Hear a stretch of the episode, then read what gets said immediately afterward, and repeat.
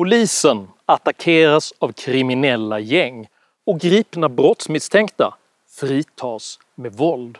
Hur är detta ens möjligt? På vilket sätt bemöter samhället denna utveckling och vad händer med ett land som förlorar kontrollen över lag och ordning? Dessa frågor tar jag upp i veckans video om lag och våld.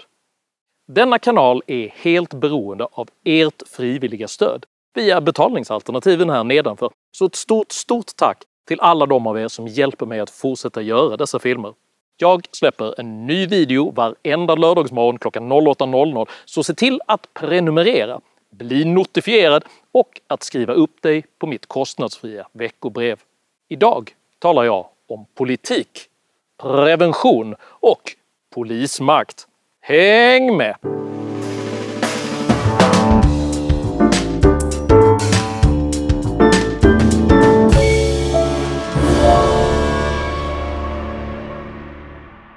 Land ska med lag byggas, löd kung Karl XVs välkända valspråk.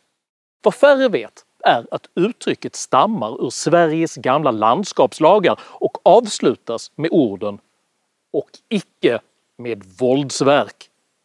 Frasen uttrycker således i sin helhet principen om lagstyre, vilken deklareras i den svenska regeringsformens första paragrafs tredje stycke.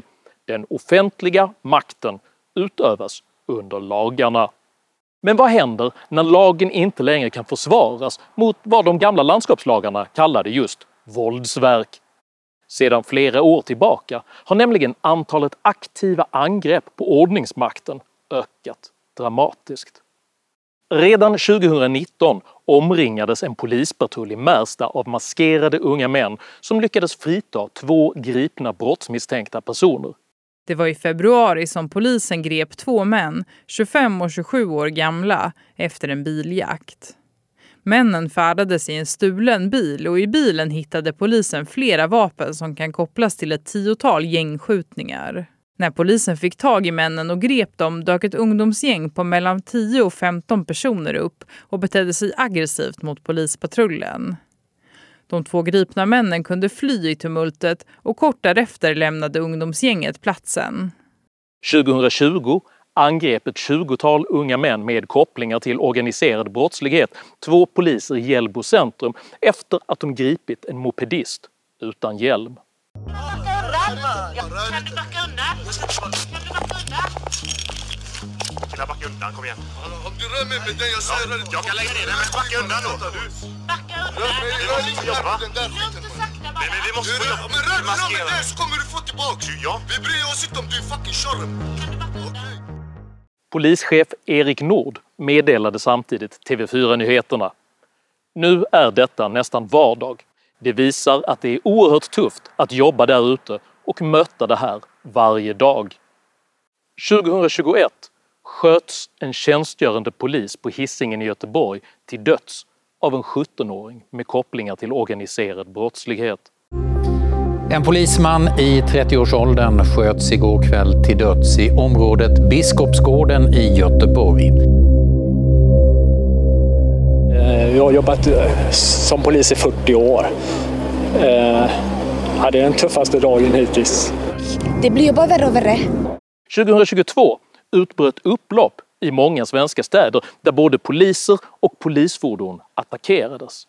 Och enligt uppgifter i flera medier just nu så har polisbilar satts i brand och demonstranter ska också ha tagit, tagit en polisbil som de kör runt med.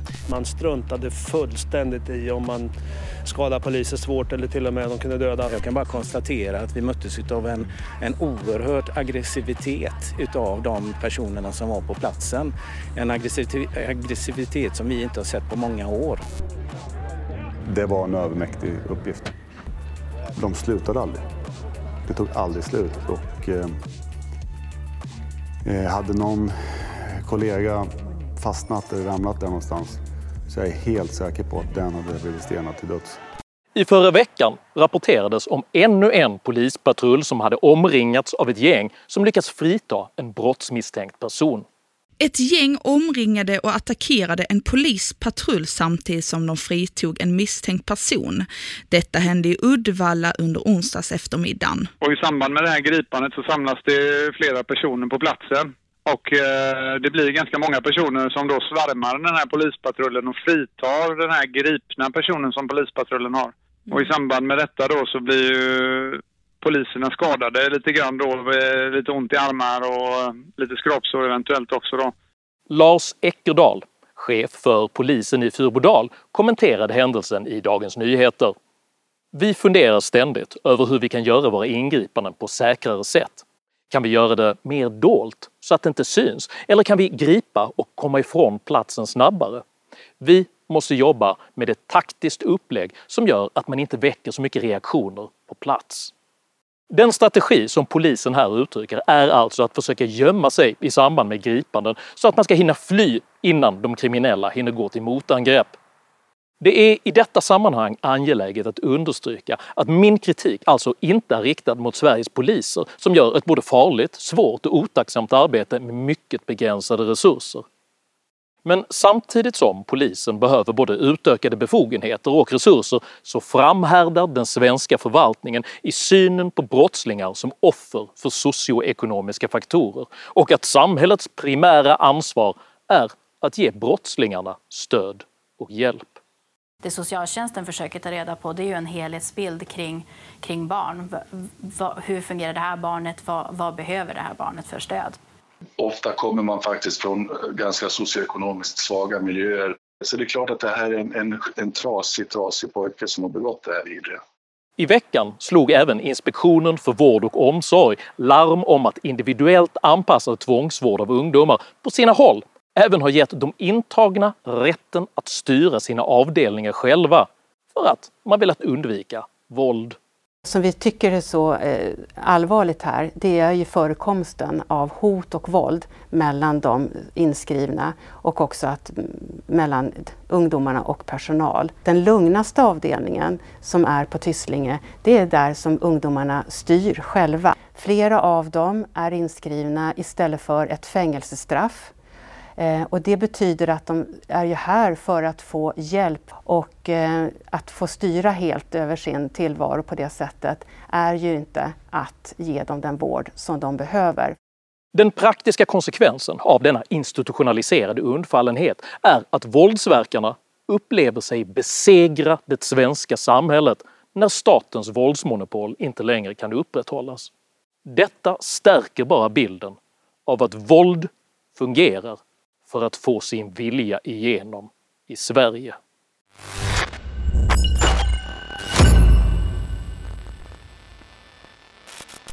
Önskan att uppvisa konstruktiva brottsbekämpningsresultat med icke-konfrontativa och socioekonomiska metoder illustreras av regeringens ivrigt lanserade brottsbekämpningskampanj Sluta skjut. Men det är spännande att vara i Malmö för att hela Sverige tittar på Malmö nu. Hur man har lyckats lyckats vända, inte minst ner, skjutningarna har minskat med 70 procent de senaste åren. Nu är det allt fler städer runt om i Sverige som vill ta över Sluta skjutprojektet men också satsa mycket på avhopparverksamheten.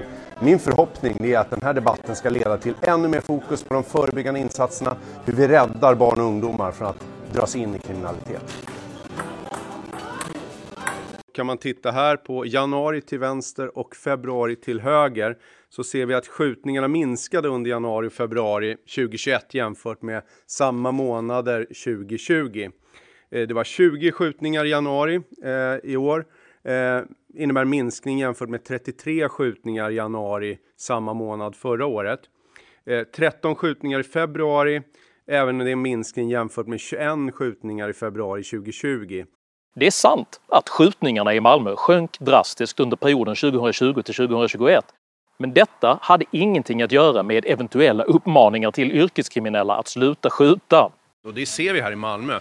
Avhopparverksamheten har ju mångdubblats i Malmö. Väldigt många människor i de här kriminella grupperingarna har valt att hoppa av efter att polisen har satt hårt tryck men också erbjudit en väg ut. I själva verket berodde våldsnedtrappningen på att fransk polis hade knäckt brottssyndikatens krypterade chatttjänst Encrochat, vilket möjliggjorde ett stort antal arresteringar av yrkeskriminella i Sverige. Men man ska inte underskatta eh, Encrochat och hemlig dataavläsning som nya eh, verktyg för polisen att också kunna läsa till exempel krypterad information. Under våren 2022 hade de kriminella falangerna dock återhämtat sig och i maj månad i år nådde skjutningarna enligt undersökningsföretaget Infostats beräkningar tillbaka till nivåerna innan Encrochat-arresteringarna. Värt att notera är att Encrochat-arresteringarna inte heller hade varit möjliga att göra under rådande svensk lagstiftning och att de minskade skjutningarna till stor del därför var ett resultat av den franska polisens arbete. Oaktat att regeringen nu har tillsatt en utredning som ska se över regleringen av denna typ av polisarbete även i Sverige så står en sak klar. Nedgången i antalet skjutningar orsakades varken av socioekonomiska insatser, kampanjen Sluta skjut eller ens av Mikael Dambergs pingpongturnering.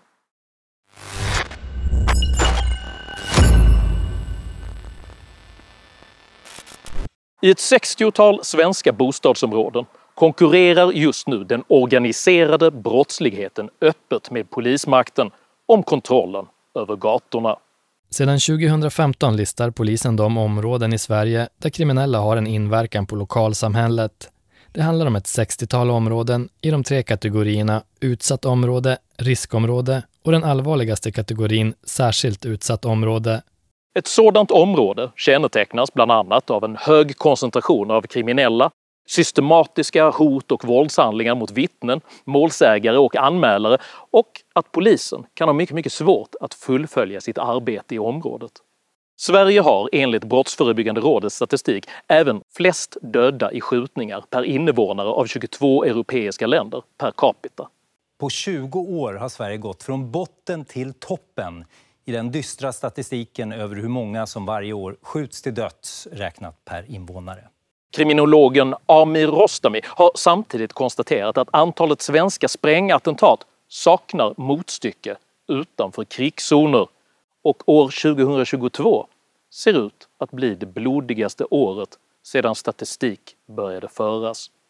Parallellt med denna skenande våldsbrottslighet har majoritetssamhället blivit så fridfullt att samhällets totala våldsnivå ändå är fallande. Denna diametrala utveckling indikerar att våldskriminaliteten varken beror på socialstatens resurser, skolsystemets utformning eller ens på antalet poliser på gatorna, utan på kulturell segregation. Denna segregation är i sin tur ett resultat av Sveriges aningslösa migrationspolitik, vilken lett till att Sverige under många, många år tagit emot mer än dubbelt så många asylsökande från svårintegrerade områden som resten av de nordiska länderna har gjort tillsammans. Denna misslyckade integrationspolitik har ytterst gjort Sverige närmast obegripligt att mäta som ett enhetligt land. Istället framträder två helt segregerade parallella samhällen.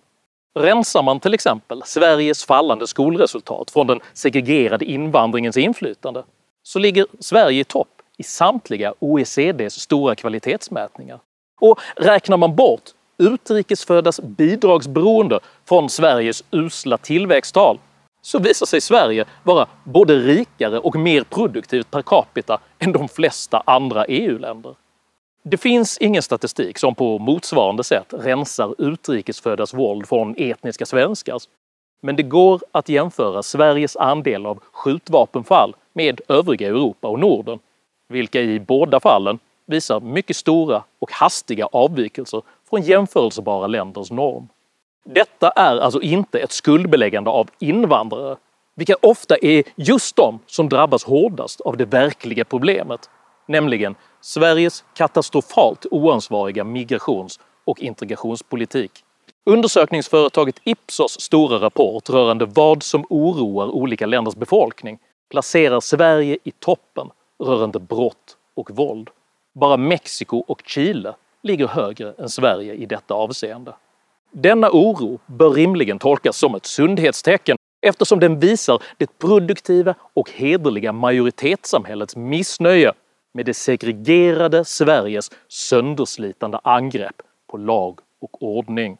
Och nu har föräldrar i stadsdelen Morebacke börjat nattvandra för att öka känslan av trygghet i området. Sverige måste nu med alla till buds stående medel kräva integration eller avsked av de grupper som står utanför den svenska kulturen, ekonomin och samhällsgemenskapen. För om ordningsmakten, och därmed i förlängningen även den svenska staten, fortsätter att backa undan kommer denna segregation att skapa två permanent rivaliserande samhällen inom ett och samma land. För, som de gamla landskapslagarna mycket klokt påpekar, om ordningsmakten inte kan upprätthålla den lag varmed landet byggs så riskerar detta land istället att raseras av våld.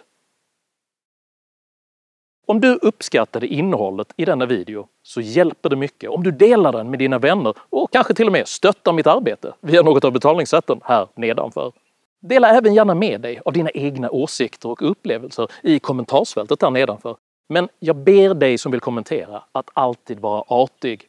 Jag accepterar inte aggression, personpåhopp eller rasism i mina idédrivna kommentarsfält. Tack för att du som kommenterar respekterar detta. Jag heter Henrik Jönsson och jag anser att lag måste försvaras mot våld. Tack för mig och tack för att du har lyssnat.